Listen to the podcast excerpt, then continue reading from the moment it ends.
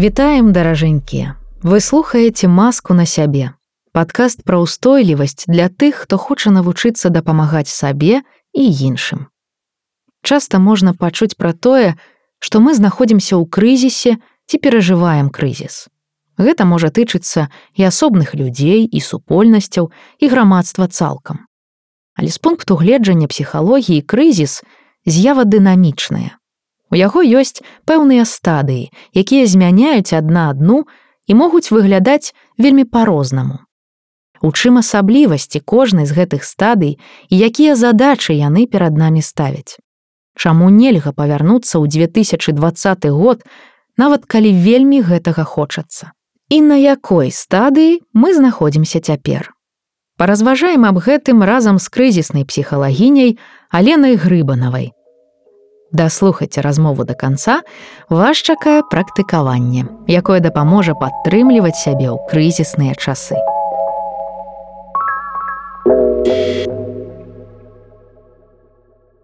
Работаю с кризисами уже более 20 лет.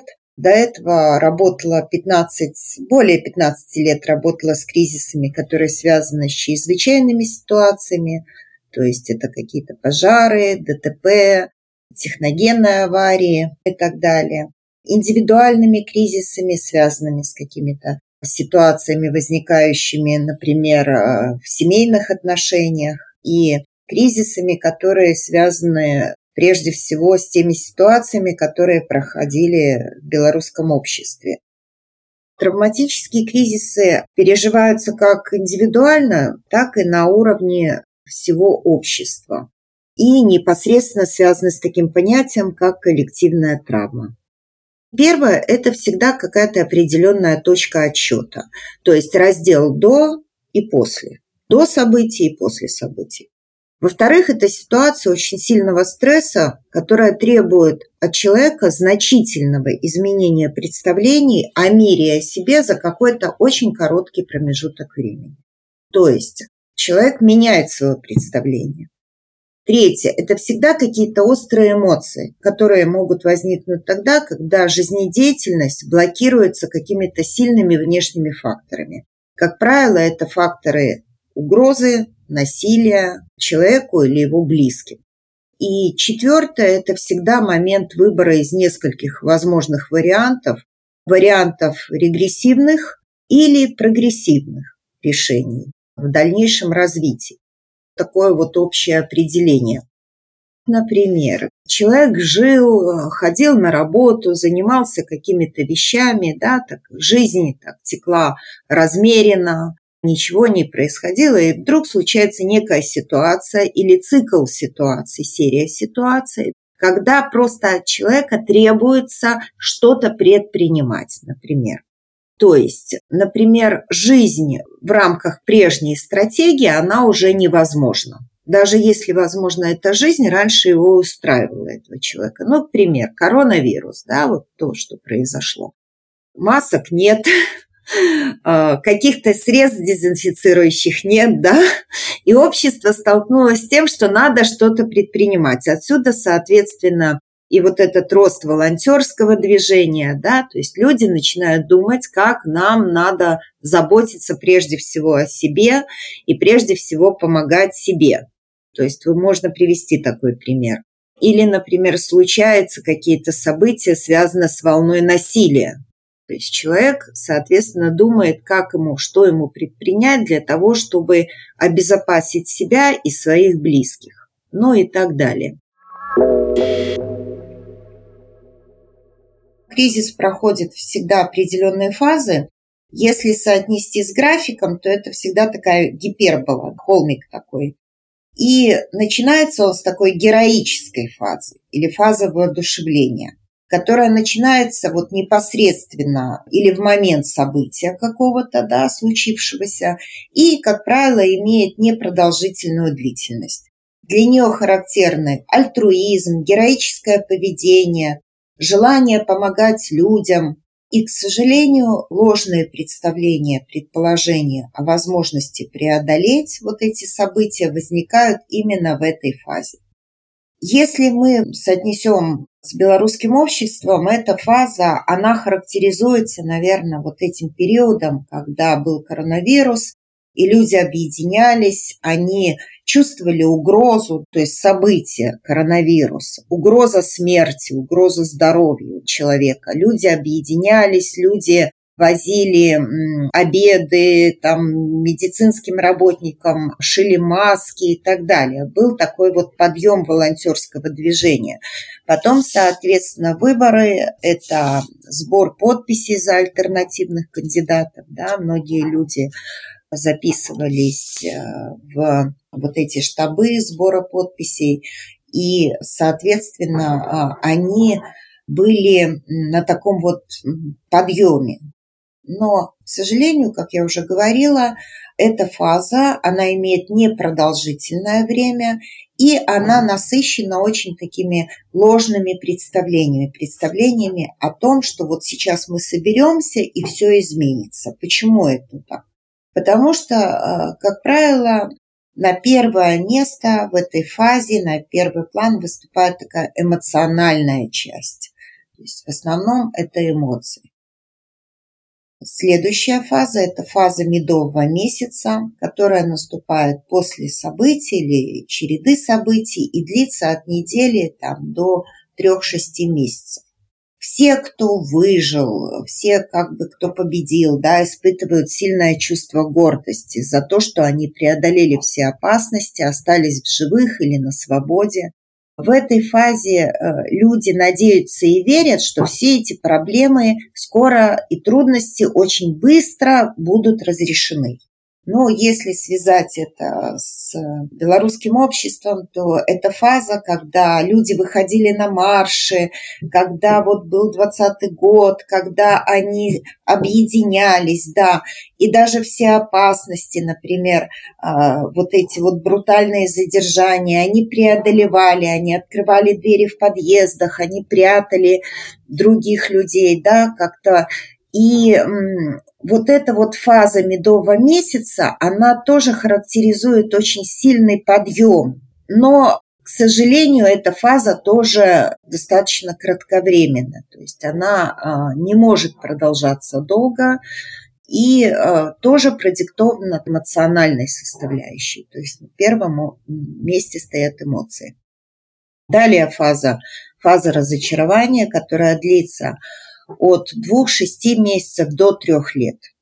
То есть, если мы возьмем график, то кривая пошла вниз. Да? Сильные чувства разочарования, гнева, негодования и горечи возникают вследствие крушения различных надежд. То есть люди начинают понимать, что так быстро все не поменяется, что, э, в общем-то, во что они верили, все это рухнуло, да, и вот э, в такой депрессивной фазе они пребывают какое-то время. Прежде всего, фаза разочарования, она такими сопровождается характерными эмоциями, да, как гнев, вина, негодование и э, поиск виноватых. Поиск виноватых в том, что кто-то сделал не так, кто-то не создал определенные условия для того, чтобы у меня и у нас в обществе, например, что-то там поменялось конструктивно. Это вполне нормальные эмоции. Эти эмоции, они имеют место быть, нормальные реакции, которые и провоцируют то, что мы называем «когда мне плохо, что же мне сделать, чтобы мне было хорошо». Но эта фаза разочарования, она, а, как и любой кризис, имеет две стороны. То есть через вот эти ну, неприятные, да, очень сильно неприятные эмоции мы выбираем какие-то конструктивные выходы из сложившейся ситуации, или берем позицию жертвы и начинаем искать виноватых, и начинаем жаловаться, да, или например, разочаровываться. Два пути выхода. Далее, фаза восстановления, то есть остановка этого графика тоже на определенном, так скажем, плато, начинается тогда, когда люди осознают, что им необходимо что-то предпринимать. То есть когда тебе очень плохо, когда тебе дискомфортно, только тогда ты начинаешь думать, что мне сделать по-другому, чтобы было хорошо, чтобы выйти из этой ситуации. И это напрямую связано с тем, что люди начинают брать на себя ответственность за выполнение этих задач. Что я могу сделать, чтобы мне было хорошо? Но и фаза подъема начинается с существенных преобразований в обществе, которые возникают как ответ на продуктивные действия прогрессивной общности. Что это такое? Например, когда один, два, три, четыре, там, десять, сто человек, которые взяли на себя ответственность и стали что-то делать, они формируются в некую прогрессивную общность, и эта прогрессивная общность, в общем-то, благодаря каким-то новым конструктам начинает преобразование, то есть начинает изменение. Итак, а на какой стадии мы сейчас находимся?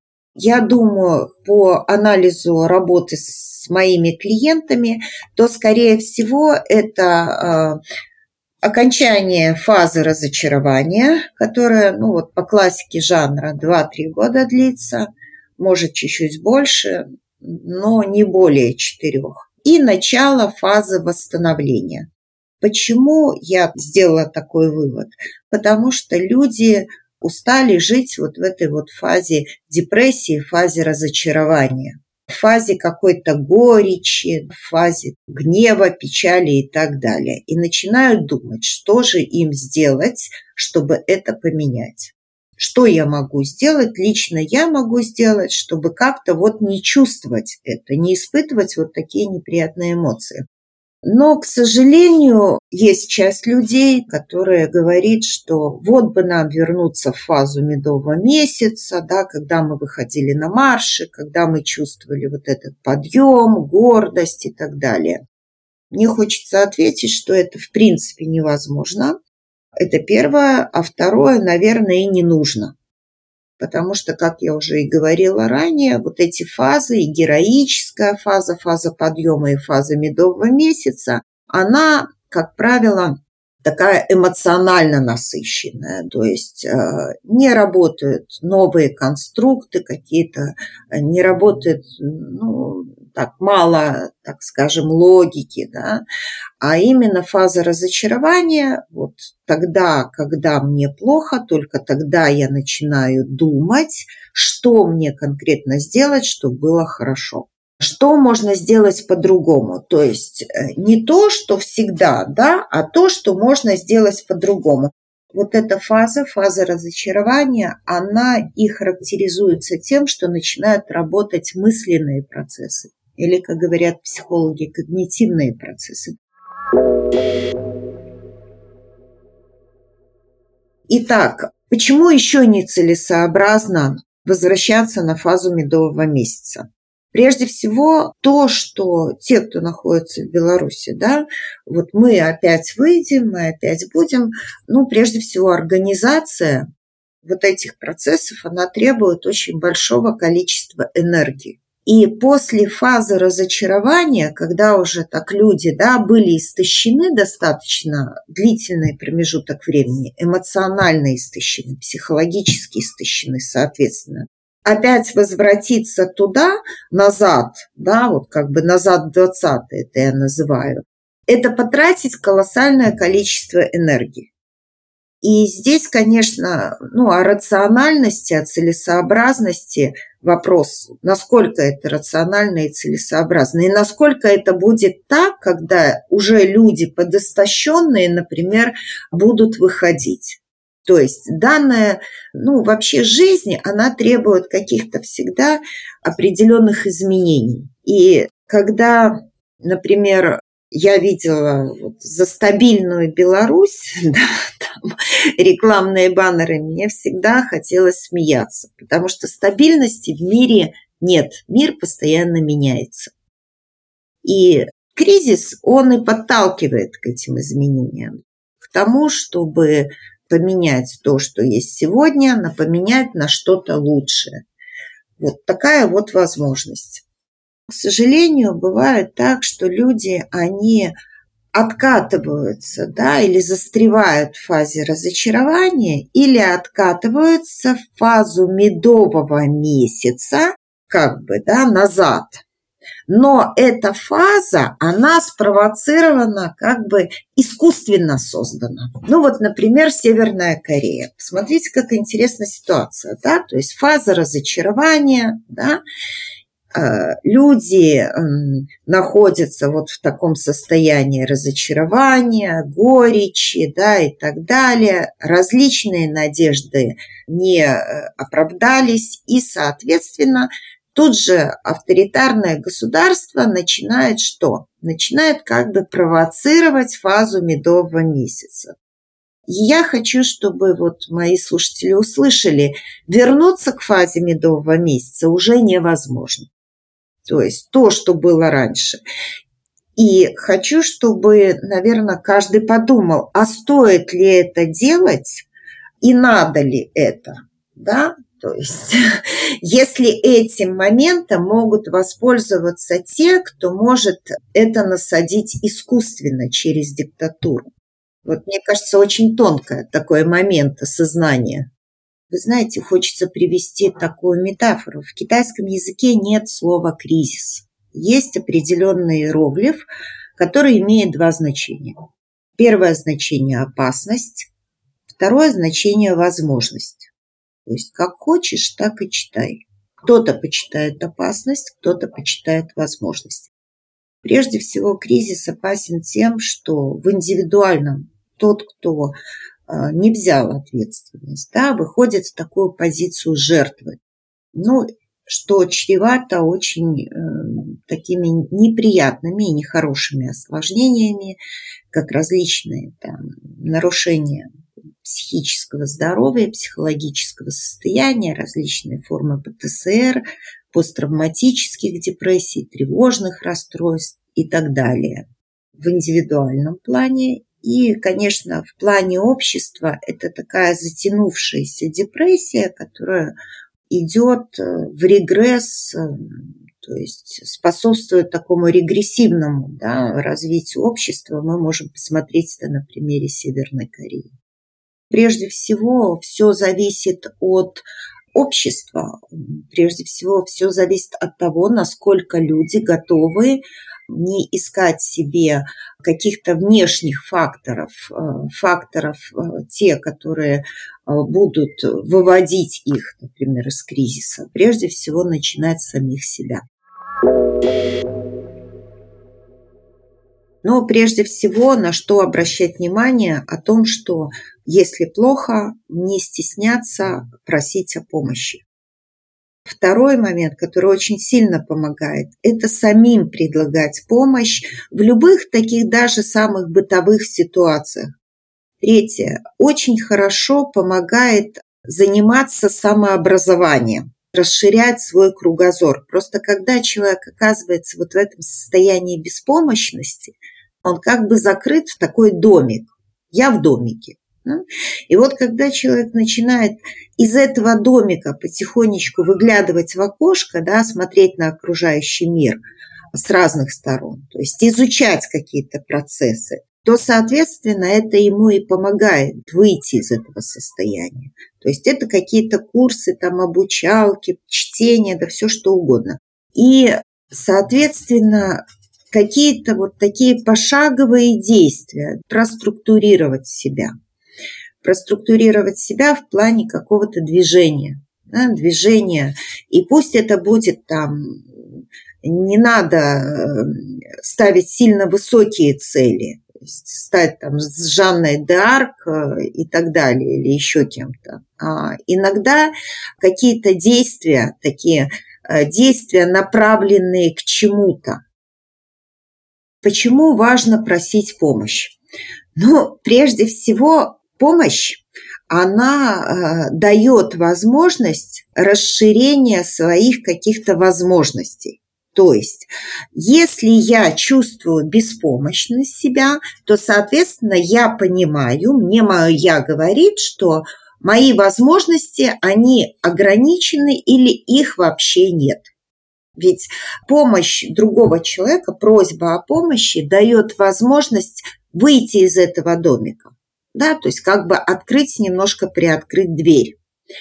И это не только такая функция, да, функция как бы поддерживающая, это еще функция выхода из этого состояния, из состояния беспомощности. Соответственно, и обратная сторона – это давать помощь. Почему, когда человек дает помощь, это очень полезно в состоянии кризиса? Потому что когда ты что-то делаешь для другого, прежде всего, да, какие ты испытываешь чувства в отношении себя, что я могу, я могу чем-то помочь, следовательно, я уже не беспомощный. Следовательно, я уже выхожу из этого домика да, в какую-то деятельность, хоть в какую. Это может быть абсолютно любая деятельность. Да? То есть предложенная помощь другому человеку дает мне силы через осознание того, что я что-то могу. То есть перевод как бы вектора из позиции «я ничего не могу», от меня не зависит ничего, в стратегию «я могу». Особенно важно это знать зачем, то есть для чего. Вот для чего я должен выжить, для чего я хочу э, сделать что-то да, по-другому, то есть иметь определенную цель. И как писал э, Ницше, и э, писал Франкл, цитировал, «Если ты знаешь, зачем, ты преодолеешь любое как». Если ты понимаешь, зачем тебе это надо, да, зачем, к чему ты идешь, то, соответственно, будут даваться те возможности, которые приведут тебя к этой цели. Ну и силы, естественно. И, соответственно, цели у каждого могут быть абсолютно разные. Но главное, чтобы они были. Но если процитировать Франкла, когда он оказался в Освенциме, первая его цель выжить, преодолеть этот кризис, э, было увидеть своих близких, родных. Но когда он понял, что это неосуществимо, почему? Потому что ему сказали, он почувствовал, что они погибли все в концентрационном лагере, ему надо было срочно, срочно искать другую цель. И он представил, э, он стал думать, что, что ему даст силы выжить в этих условиях нечеловеческих. И он, наблюдая за поведением заключенных, стал думать, что его коллега э, Зигмунд Фрейд был неправ, и он представлял себя на э, конференции, всемирной конференции, да, когда он выступает со своим новым направлением, со своей новой концепцией на ученом совете. И это давало ему силы. То есть такая вот визуализация. И если ну, мы говорим о данное время, да, о данной ситуации, то э, разные цели. Цели там будущего, например, э, себя, будущего устройства, например, даже своих там дворовых территорий, да, в рамках какого-то самоуправления нормального. Будущее, например, в рамках своей профессиональной деятельности или, например, будущее своих детей, как они будут жить, в какой стране они будут жить, как они будут учиться, да, какие у них будут возможности и так далее. То есть цели, они могут быть абсолютно разные. Я могу привести пример. Работала с одной клиенткой, она мне говорила, вы знаете, у меня мечта, чтобы в Беларуси не было бродячих животных. И я вот представляю, что вот в Беларуси нет бродячих животных, и вот э, все устройство, да, ну вот в отношении вот этих вот братьев наших меньших, оно стоит на такой вот гуманитарной платформе, то есть платформе, которая поддерживается государством, и я вот к этой цели стремлюсь. То есть может кто-то и обесценить и сказать, что ну что это за цель животные, но вот для человека это цель. Главное, чтобы они э, цели существовали тех, кто выехал да, в третьи страны. Мне хочется привести пример э, инсайта одной моей клиентки с ее разрешения. Да, я привожу этот пример. Когда мы с ней работали, она мне сказала, мне кажется, очень важную вещь. Она мне сказала так, вы знаете, вот мы сейчас здесь все такие больные, в каком смысле больные? Мы разбалансированные, нам плохо, у нас депрессии, у нас там расстройство адаптации и так далее. Нам очень сложно здесь привыкать да, к другим странам, к другому менталитету. И мы тут все больные. И вот если вдруг что-то изменится, Представьте, вот у нас целая толпа больных приедет э, в Беларусь, где свой ПТСР сейчас, и тоже все больные. То есть больные к больным, и, соответственно, что это будет. Так вот, я думаю, что возвращаться в Беларусь надо тогда, когда ты здоровый и успешный. Чтобы принести в Беларусь не свою какую-то э, вот такую беспомощность, не какие-то свои неврозы, да, не какие-то свои там расстройства, а привести в Беларусь силу, дать этой стране силу. И мне кажется, что это вот, когда мы говорим про цели, зачем, вот это очень замечательная цель, которая, наверное, для всех тех э, белорусских релакантов, кто вынужден сейчас проживать в третьих странах. То есть я вернусь в Беларусь, я хочу вернуться в Беларусь каким? Слабым или сильным? Привести туда что-то такое продуктивное, позитивное, да, или свои болезни. Вот мне кажется, очень мощный фактор такой. Если брать в таком индивидуальном формате, конечно, это тоже формирование вот этой вот творческой общности, да, продуктивной творческой общности.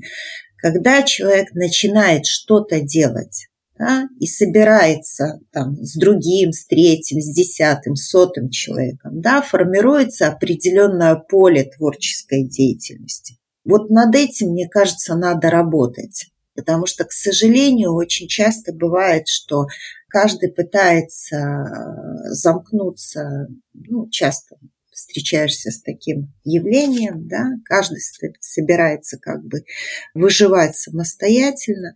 Вот здесь очень важно поддержка и формирование определенных сообществ. Но не просто это сообщество, ну вот мы белорусы, мы собрались в сообщество, да, а направленные творческие сообщества. То есть в отношении, например, разных сфер.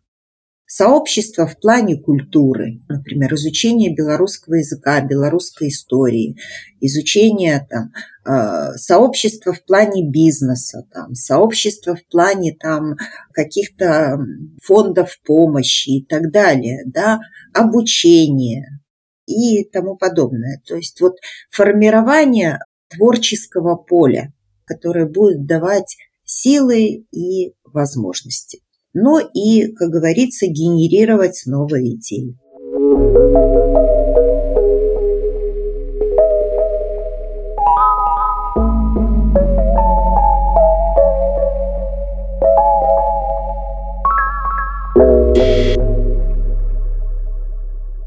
У любых, нават самых складаных сітуацыях у чалавека застаецца воля. Воля абіраць уласнае дачыненне да кожных акалічнасцяў Абіраць уласны шлях, ствараць уласныя сэнсы. Гэтае сцверджанне Віктора Франкла слушнае цяпер. На якой бы стадыі персанальнага ці калектыўнага крызісу мы б не знаходзіліся. Раем звярнуцца да яго творчасці і прачытаць кнігу сказаць жыццю так, псіхолог у канцлагеры. А цяпер давайте зробім практыкаванне, якое дапаможа нам падтрымліваць устойлівасць у крызісных сітуацыях.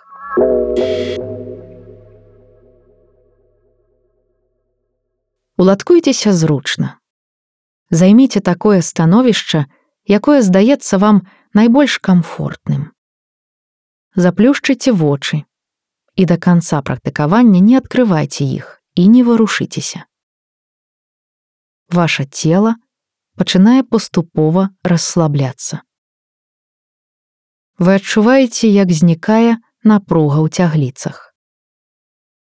З кожным вымаўленым словам Кожны мускул цела ўсё больш напаўняецца адчуваннем супакою і прыемнай млявасці. Ваше дыханне роўнае, спакойнае. Паветра вольна запаўняе лёгкія і лёгка пакідае іх. Сэрца б'ецца выразна, рытмічна. Звярніце свой унутраны позірк да пальцаў правай рукі. Кончыкі пальцаў правай рукі, як быццам дакранаюцца да паверхні цёплай вады. Вы адчуваеце пульсацыю ў кончыках пальцаў. Узнікае адчуванне, што рука паступова апускаецца ў цёплую ваду. Гэта чароўная вада абмывае вашу правую далонь, расслабляе яе і падымаецца ўгару па руцэ. Да локця. Яшчэ вышэй. Вось ужо ўся ваша рука апускаецца ў прыемную цеплыню. Расслабляецца. Па венах і артэрыях правай рукі бяжыць свежая абноўленая кроў. Даруючы ёй адпачынак і надаючы новыя сілы. Дыханне роўнае, спакойнае. Сэрца б'ецца выразна, рытмічна. А цяпер ваш унутраны позірк скіроўваецца да пальцаў левай рукі. Кончыкі пальцаў левай рукі, як быццам дакранаюцца да паверхні прыемнай цёплай вады. Вы адчуваеце пульсацыю ў кончыках пальцаў. І левая рука паступова апускаецца ў цёплую ваду. Гэта чароўная вада абмывае вашу левую далонь, расслабляе яе і падымаецца ўгару па руцэ. Да локця. Яшчэ вышэй. Вось ужо ўся ваша рука апусцілася ў прыемную цеплыню. Яна расслабленая і лёгкая.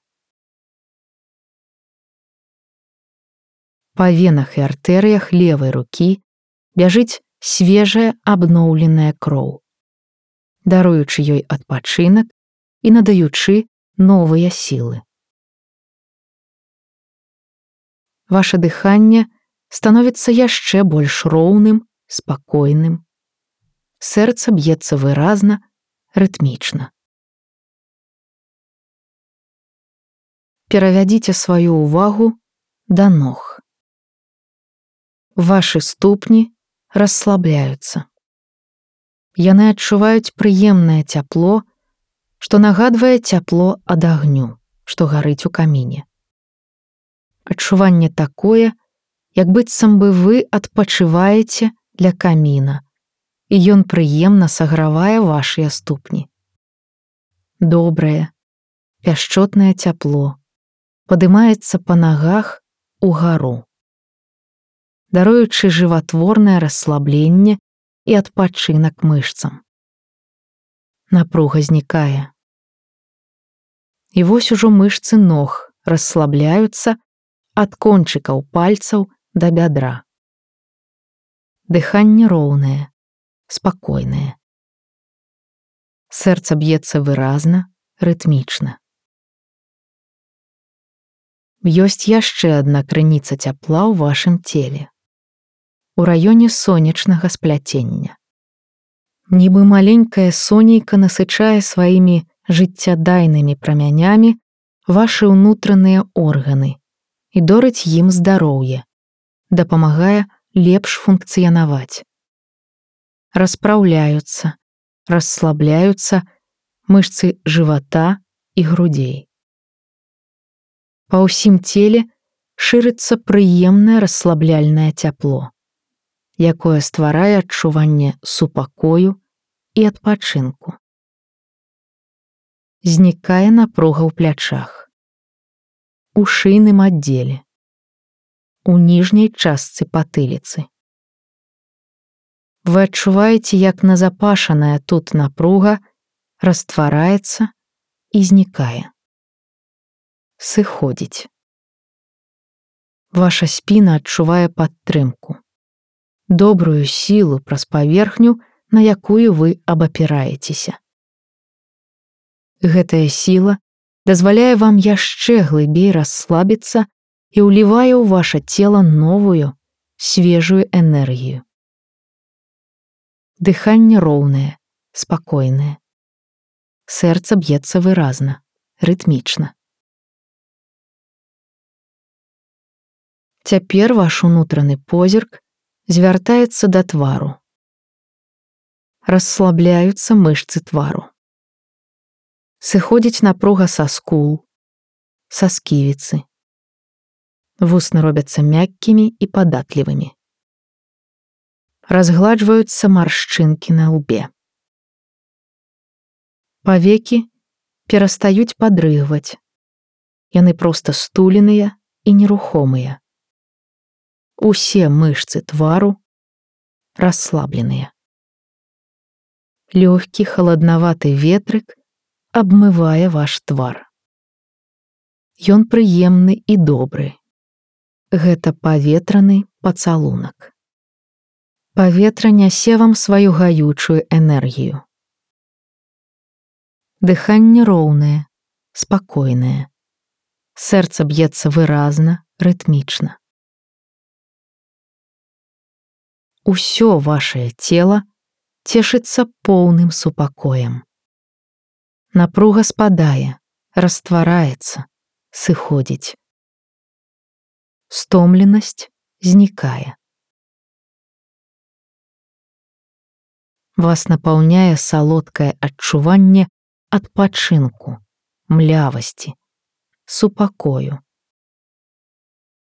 Супакою, што напаўняе вас новымі сіламі, свежай і чыстай энергіяй.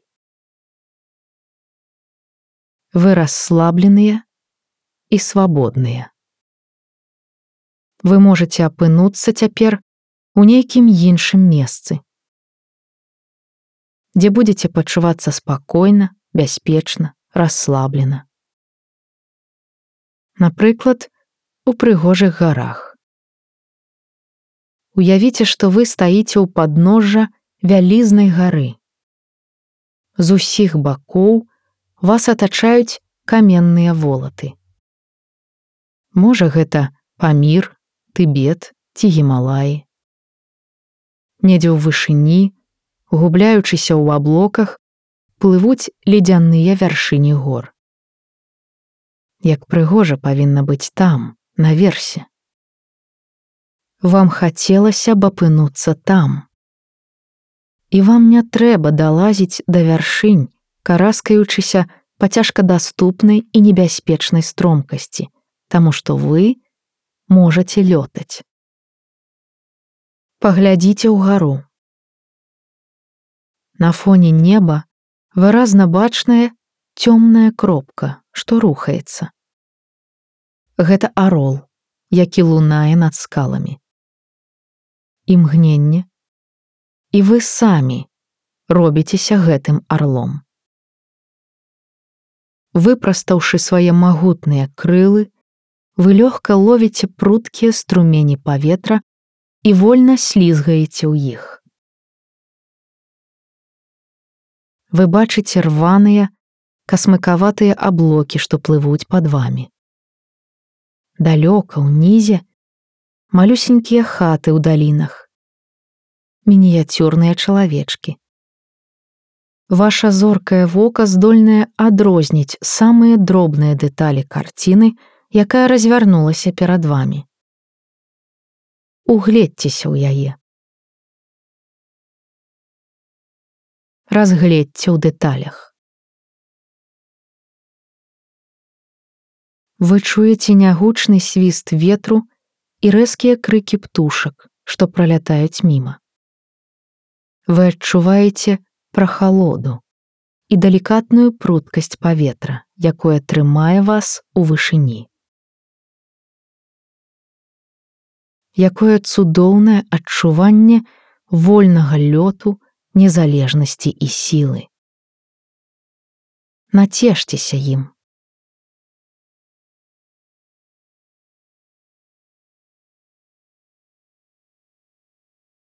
Вам не складана дасягнуць кожнай самай высокай і недаступнай для іншых вяршыні.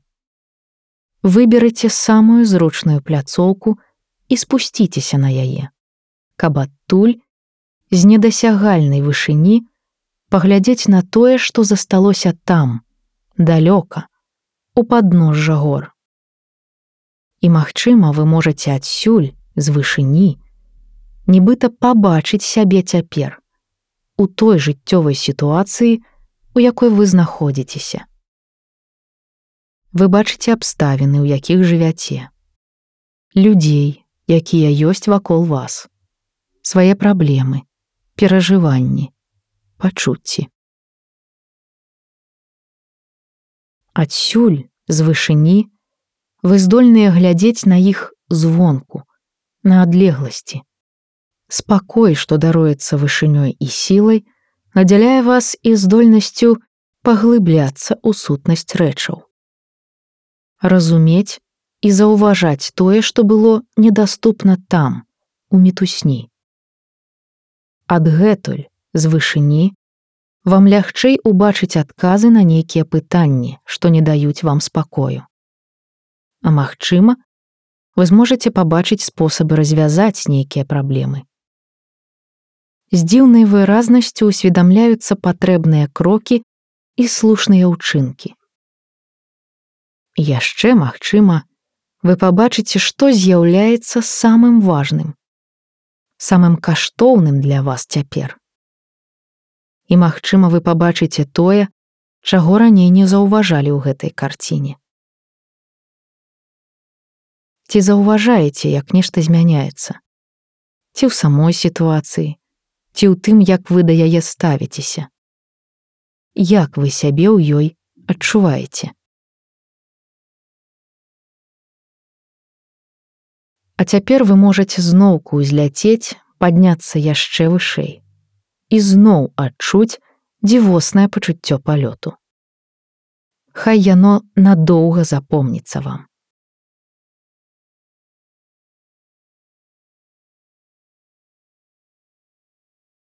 А цяпер вы перамяшчаецеся і бачыце, што зноўку стаіце у падножжа гары. І бачыце, як у небе лунае арол.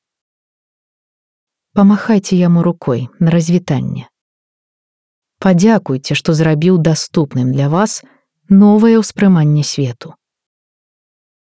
І вось вы зноў пераносіцеся сюды, у гэты пакой. Пачынаеце адчуваць сваё цело.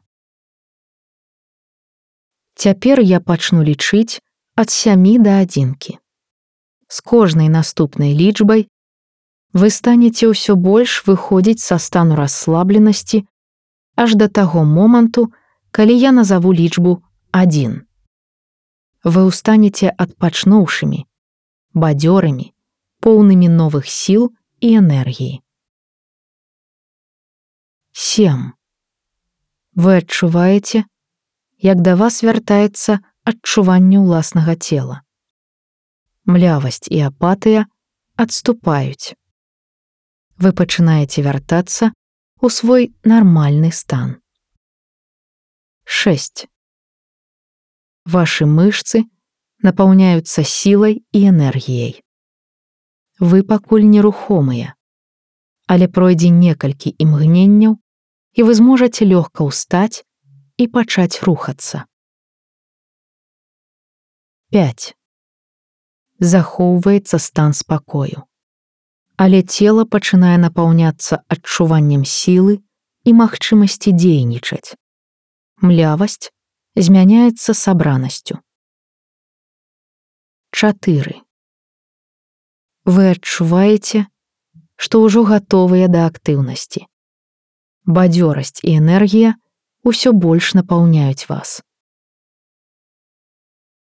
3. Паварушыце ступнямі.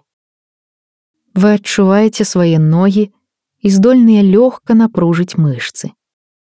Паварушыце пальцамі рук. Павольна сцісніце пальцы ў кулак. 2. Не расплюшчвайце вачэй. Паварочайце галавой. Вы бадзёрыя, напоўненыя сілай і энергіяй. Вы добра адпачылі. Вы спакойныя і ўпэўненыя ў сабе. 1.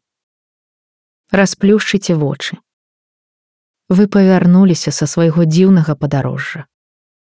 Але калі вам будзе патрэбна, вы можаце ў любы момант прыгадаць арла ў небе і падняцца высока над любой сітуацыяй, каб зірнуць на яе з адчуваннем вышыні і сілы.